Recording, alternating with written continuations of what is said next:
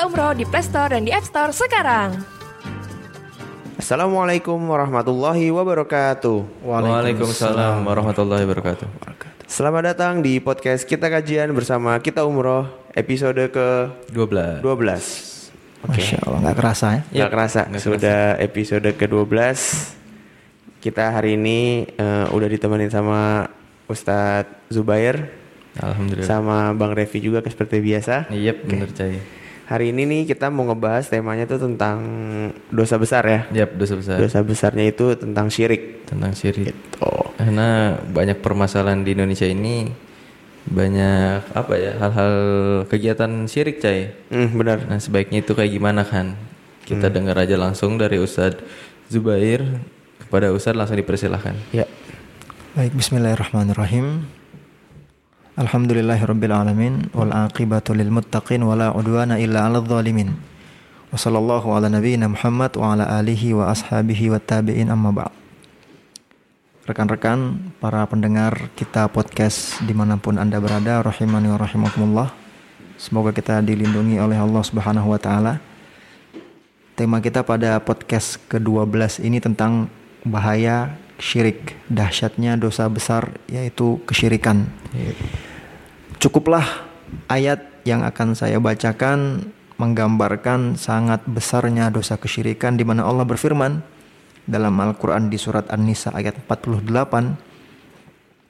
Innallaha la yaghfiru ayyushraka bih wa yaghfiru ma duna dzalika liman yasha' wa may yusyrik billahi faqad iftara ithman azima.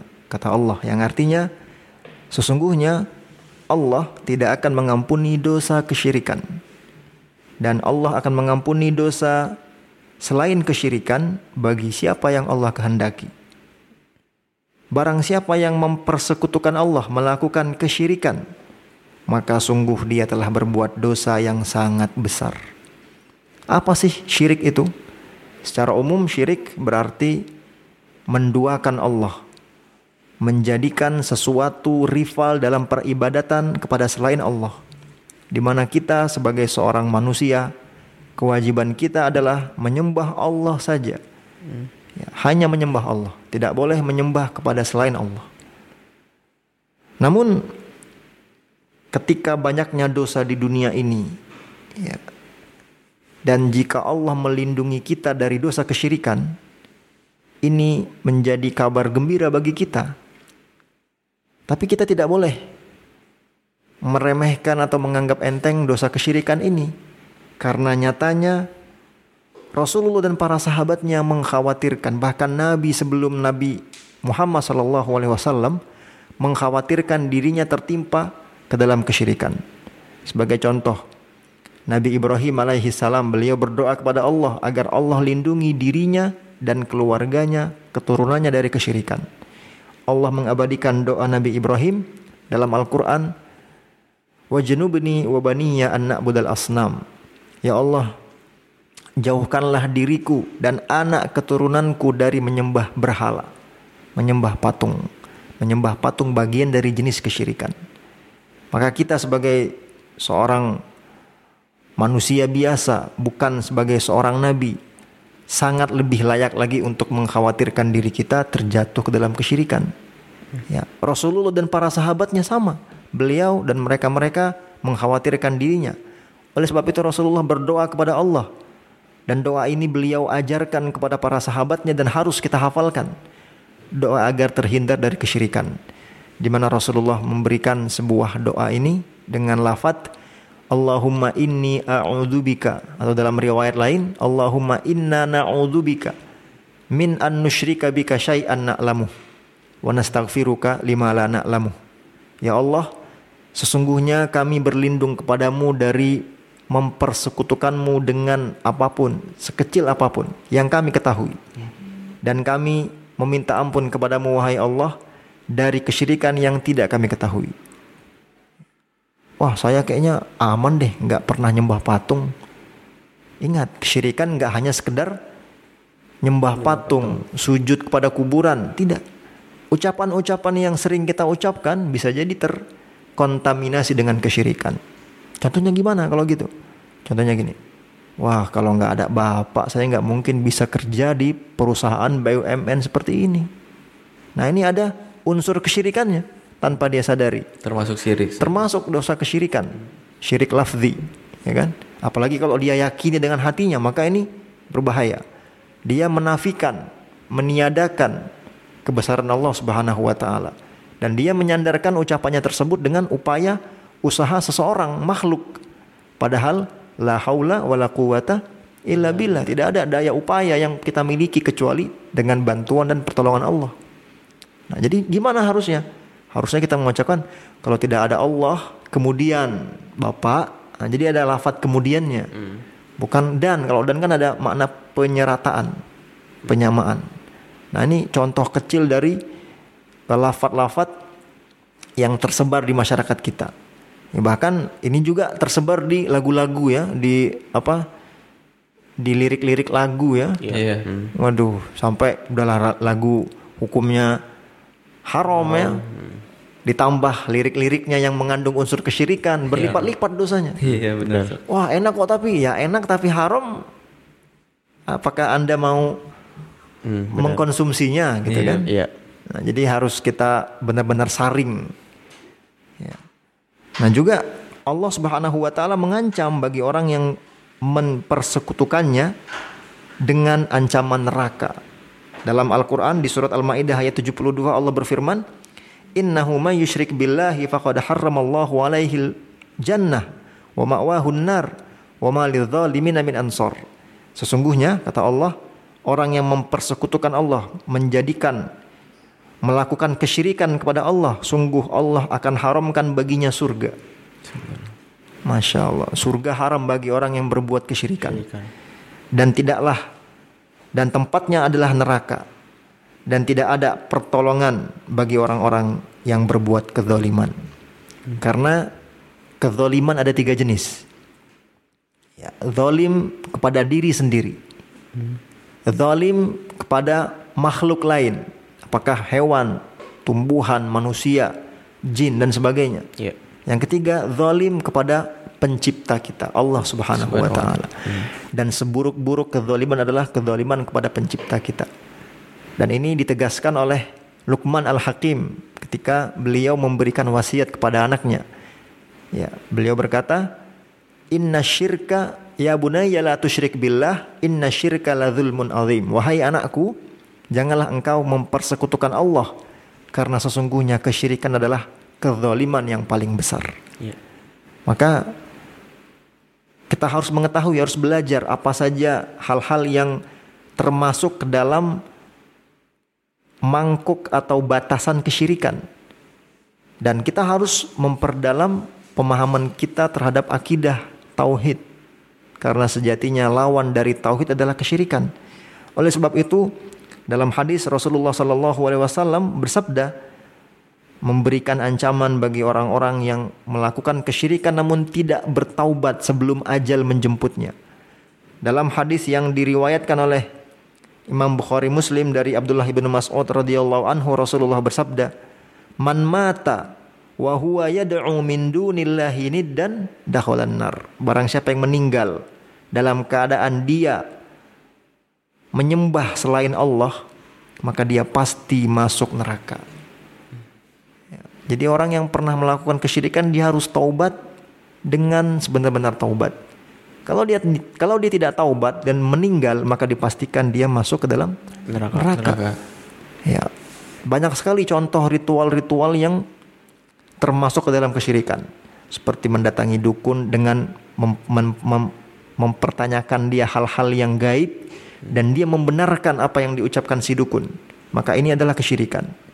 Contoh yang juga tidak kalah tersebar di kalangan masyarakat kita yaitu e, melaku apa ikut serta dalam silat ya dalam apa dalam pencak silat atau semisalnya. Hmm. Biasanya kalau naik tingkat ini sang guru memberikan sebuah syarat, kamu harus bawa seekor ayam jantan yang hitam. Hmm. Nanti disembelih, ya kan? dan sebagainya. Nah, ini semuanya diserahkan untuk makhluk gaib. Tujuannya apa? Agar mendapatkan ilmu kebatinan, kekebalan dan sebagainya. Hmm. Nah, ini banyak sekali bagi para orang-orang yang dahulu mungkin pernah ikut ya pencak silat seperti ini biasanya ada dan sedikit yang tidak melakukannya. Maka kita sering melihat orang-orang yang dahulu mungkin pernah diisi dengan ilmu-ilmu seperti ini akan terganggu di kemudian hari. Apakah kerasukan sering kerasukan ya kan? S- dia nggak bisa mencapai kekhusyuan dalam sholatnya. Ketika setiap kali dia mau sholat ada semacam bisikan-bisikan yang terlihat sangat nyata di telinga dia terdengar dan menghilangkan kekhusyuan dia dalam sholat dan ini efek dari eh, melakukan ritual-ritual yang diharamkan Iya. Ya. Kemudian Rasulullah Shallallahu Alaihi Wasallam bukanlah satu-satunya Rasul yang memiliki misi untuk menjauhkan umatnya dari yang namanya kesyirikan. Semua Rasul sama misinya. Hendaklah menyembah Allah dan jauhi dari menyembah tauhid, yaitu kesyirikan. Dalam ayat di surat An-Nahl ayat 36 Allah berfirman, Walaqad ba'athna fi kulli ummatin rasula an i'budullaha wajtanibut taghut. Ya, sungguh kami telah mengutus setiap rasul pada umat-umat mereka di mana rasul-rasul tersebut akan menyerukan untuk sembahlah Allah saja dan jauhilah beribadah kepada tagut. Ya, Al-Imam Ibnu Katsir menjelaskan tentang ayat ini bahwa seluruh para rasul menyeru untuk beribadah hanya kepada Allah dan melarang untuk beribadah kepada selainnya. Sehingga kesyirikan ini memang dosa yang disepakati oleh setiap umat akan keharumannya. Iya. Iya. Baik. Seperti itu. Masya Allah. Aduh, sebenarnya apa namanya dosa besar banget sih Cah ya. Mm-mm. Dan gimana kita bisa menghindar dari tersebut apa dosa syirik eh, tersebut tuh seperti apa kan kayak gitu. Iya. heeh. Dan juga banyak juga sebenarnya Ustaz apa eh, percaya kepada tahayul gitu. Iya. Kayak misalkan ada kupu-kupu masuk rumah. Iya, tatoyur. Iya, Iya. tatoyur ya. Nah, terus kayak misalkan bintang-bintang kayak Virgo, Oh, ramalan bintang. Ya, ramalan Iya. bintang. Nah, itu tuh Horoskop, horoskop. termasuk ya. syirik juga atau memang ilmu itu tuh ada dalam Islam juga gitu, Iya. Ustaz? Hmm. Baik, horoskop itu bagian dari tatoyur. Tatoyur itu apa sih? Tatoyur itu kalau dalam bahasa Indonesia tahayul ya. Iya. Mempercayai sesuatu hal yang tidak ada sangkut pautnya dengan hal yang lain. Seperti kita lihat ke depan rumah kita ada burung gagak bertengger. Wah, ini kayaknya hari sial saya ini. Iya. Sehingga dia me- membatalkan kegiatan yang harus dia lakukan. Harusnya dia pergi tapi dia lihat ada burung gagak bertengger di depan rumahnya. Ini kesialan maka dia di rumah aja nggak ke mana-mana. Atau ketika misalnya para orang tua mau menikahkan anaknya, Iya. Cari tanggal baik, Oh iya benar. bulan baik, Iya. jangan bulan yang penuh kesialan, ya kan? Nah ini bagian dari tatoyur dan ini dilarang dalam syariat Islam. Bagian dari kesyirikan juga, karena tidak ada sangkut pautnya antara keberuntungan kita, Iya. ya kan? Masa kita mau misalnya eh, pergi hanya melihat dengan seekor burung menjadi Jadi sial gitu. gagal kita pergi karena pengaruh kesialan yang ada di di opini masyarakat. Iya, benar. Nah ini sama horoskop juga. Wah dia semangat beli majalah ya kan, bukan untuk membaca artikel, tapi untuk membaca horoskopnya itu doang. Iya. Ya kan ini sering nih remaja-remaja kan. Nah ini bagian dari tatoyur dan ini diharamkan. Iya. Padahal eh, niatnya kayak cuman buat seru-seruan, padahal sebenarnya haram gitu kan. Iya Hmm. betul, iya betul itu. Yang disayangkan orang tua juga tidak membatasi gitu. Hmm, bahwa dan saya juga apa namanya melihat hal seperti itu kayak misalkan dulu di rumah saya tuh ada biasanya ada ini cai burung apa ya Ya suka bunyi malam-malam ya. cit cit cit cit kalau misalkan Iya, iya, ada tahu. burung itu tuh Ada orang yang- meninggal. Iya, ada Iya, orang- tahu-tahu burungnya. Nah karena kepercayaan di masyarakat tersebut, jadi mempengaruhi saya juga saat Iya, iya, iya. Oh bener nih, kalau ada burung ini pasti ada orang meninggal. Tapi bener besoknya ada meninggal. Mungkin kebetulan, aja gitu. Iya benar kebetulan. Kebetulan. Iya. Kebetulan. Karena burung itu nggak bisa mencabut nyawa Iya. seseorang. Masa karena ada burung itu jadi ada yang meninggal kan gitu. Kasihan juga burungnya difitnah. itu. Iya. Banyak sekali, apalagi di masyarakat kita di Nusantara ini kental dengan klinik dan tatoyurnya. Hmm. Klin apa klinik-klinik, pokoknya yang berbau-berbau mistis itu sangat subur di masyarakat kita. Iya benar. Makanya ini tantangan tersendiri dalam kita mendakwahkan akidah yang benar. Iya. Nah, terus Ustaz, saya juga lihat kan banyak tradisi di eh, Indonesia ini kayak misalkan beri ke persembahan ke laut. Nah, sedekah laut. Ya, apa menumbalkan kepala sapi kayak gitu. Nah, apakah itu kan golongan satu kelompok yang mem- yang melakukan syirik? Nah, apa itu apakah itu bisa berdampak ke eh, seluruh orang gitu? Iya. Padahal kan satu kelompok aja yang melakukan gitu. Karena kan yang saya lihat bahwa bisa saja bencana di Indonesia ini terjadi karena orang-orangnya ada yang syirik gitu, Ustaz. Iya, iya. Apakah itu memang bisa terjadi ke golongan orang yang lain gitu? Ya, baik. Sebelum kita jawab, sedekah laut ini bagian dari kesyirikan ini disepakati oleh semua ulama ya. Ulama yang akidah, yang memprioritaskan akidah yang benar. Karena mereka mengatakan, oh kami dalam rangka syukuran ini. Iya. Sedekah laut, mana ada ikan yang makannya mangga. kan dalam koridor, dalam apa eh, susunan sedekah itu kan ada mangga, ada tepung, apa ada eh, apa namanya beras yang tinggi itu. Oh, Selain kepala sapi juga Iya. kan. Oh iya, ada oh, macam-macam. tumpeng ya, tumpeng, tumpeng. ya Iya, kan. Mana ada ikan makan tumpeng? Iya. Ikan apa? Ikan ikan manusia. Jadi ini bukan bukanlah syukuran yang benar ini. Tujuan mereka untuk apa? Memberikan kepada para penguasa laut ya semacam tumbal.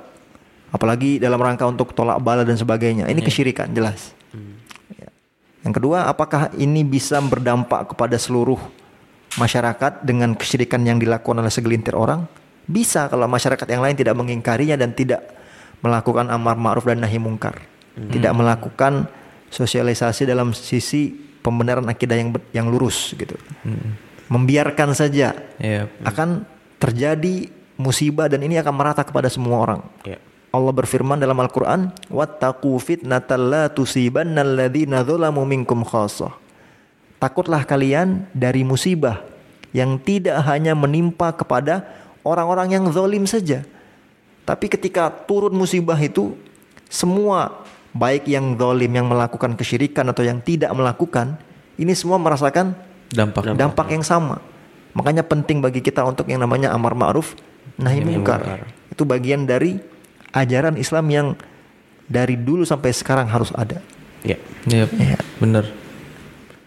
Harus saling mengingatkan, Cai. Mm, apalagi ngerinya juga sekarang tuh eh, tradisi-tradisi itu tradisi diislamkan gitu Iya. kan jadi kayak Bahkan didukung pemerintah daerah. iya harusnya kan dengan ada Islam tradisi itu hilang harusnya bukan tradisi yang diislamkan gitu Iya. Iya, betul. Ini tantangan tersendiri nih. Iya.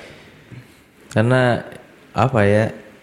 Bahwa tradisi tersebut jadinya kayak diwajibkan bahwa itu tradisi, da- tradisi dari Islam gitu kan. Terlihatnya. terlihatnya Padahal kan bukan. Kan? padahal bukan benar Kayak gitu.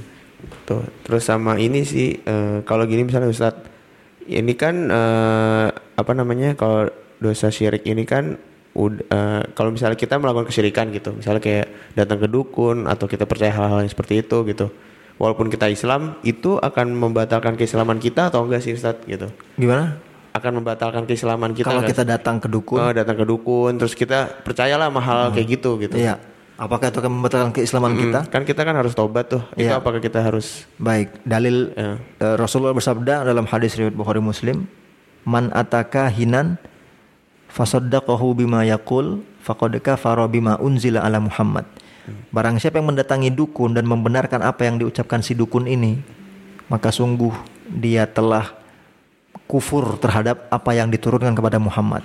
Nah, di sini Rasulullah menegaskan bahwa orang yang mendatangi dukun dia harus taubat. Kenapa? Karena dia telah melakukan kekufuran, Mem- bisa membatalkan keimanan. Bahkan disebutkan pembatal keimanan mempercayai kepada dukun dan yang sejenisnya. Karena mengetahui ilmu gaib itu hanyalah adalah hak prerogatif Allah Subhanahu wa taala. Hanya Allah yang mengetahui ilmu gaib.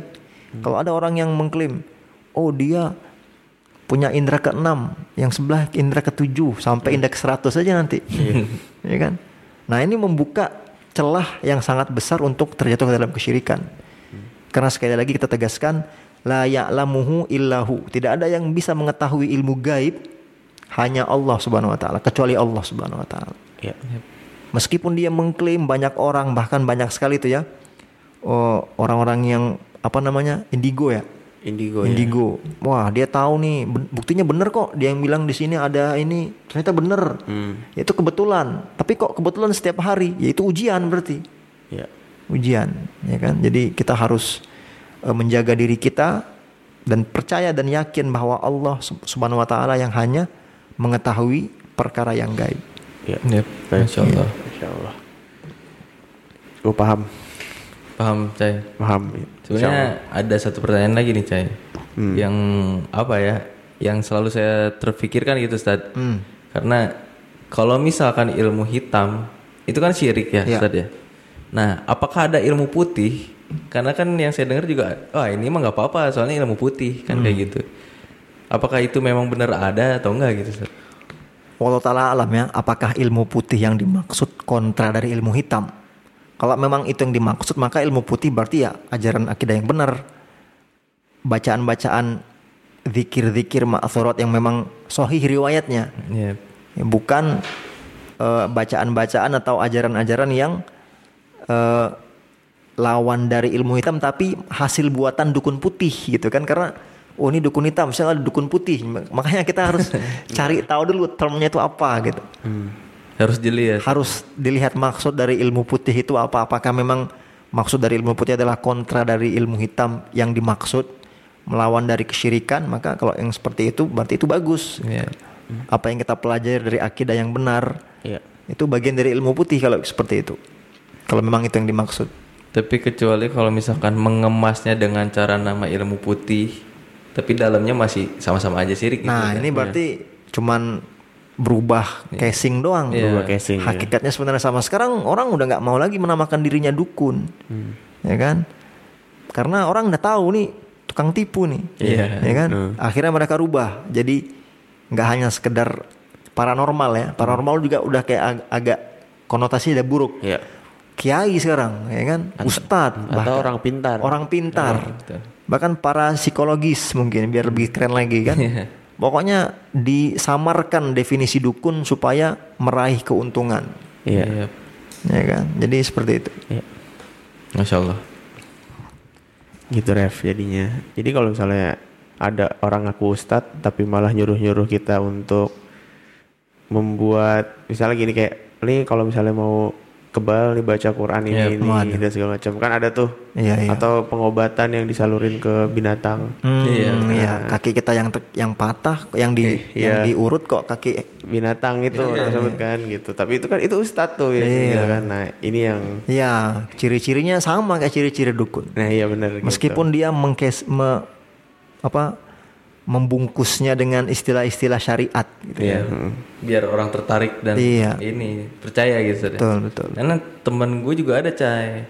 Dia nyimpen kayak kertas gitu di dompet gitu. oh ini ya bacaan Quran gitu ya Iya, tulisan bacaan Quran, ya Quran, Terus kalung kayak gitu. Hmm, Emang pas waktu dia disuruh sama orang tuanya aku tuh coba kamu apa namanya perut kamu di Sayat. iya disayat pakai pisau gitu. Emang jadi kebal gitu. masya allah Cuman kan itu dosa besar gitu. Ya iyalah udah pasti Sekarang gini aja kita kita analogi sederhana. Kalau memang ilmu kebal ini ada anjar aju- anjurannya, ada ajaran dalam syariat Islam. Rasulullah ketika perang Uhud nggak maaf ngapain berdarah-darah, Iya. ya kan? Ngapain ada syahid? Iya. Kenapa nggak pakai ilmu kebal aja? Iya. Rasulullah ketika perang Uhud itu gigi taringnya putus, gigi geraham apa gigi taring? Hmm, patah ya patah giginya. Kan sahabat banyak yang syahid, Iya. ya kan? Nah ini analogi sederhana lah, Hmm, benar ya kan? Kalau mau jihad ngapain pakai ilmu kebal gitu? Justru itu Hmm. lawan dari jihad itu jahat. jahat iya benar Makanya saya sempat ya udahlah yang kayak gitu bakar aja saya suruh bakar Nah, iya itu solusinya. saya suruh bakar terus saya rukiah gitu tapi rukiahnya rukiah bersama Hmm. Iya, iya. ada eh, apa bacaan eh, apa rukiahnya Rukyah mandiri ya. ya rukiah mandiri kayak gitu ya masya allah insya allah terjawab sudah ya Cah, ya tentang dosa dosa besar syirik ini Iya, benar. Yap. Jazakallah Ustaz Ya, Zubair atas waktunya. Tutup aja nih ya. Udah, langsung tutup ya, Ref. Yap, tutup kita tutup dengan doa kafaratul majlis. Subhanakallahumma wa bihamdika asyhadu an la ilaha illa anta astaghfiruka wa atubu ilaik. Assalamualaikum warahmatullahi. Wabarakatuh.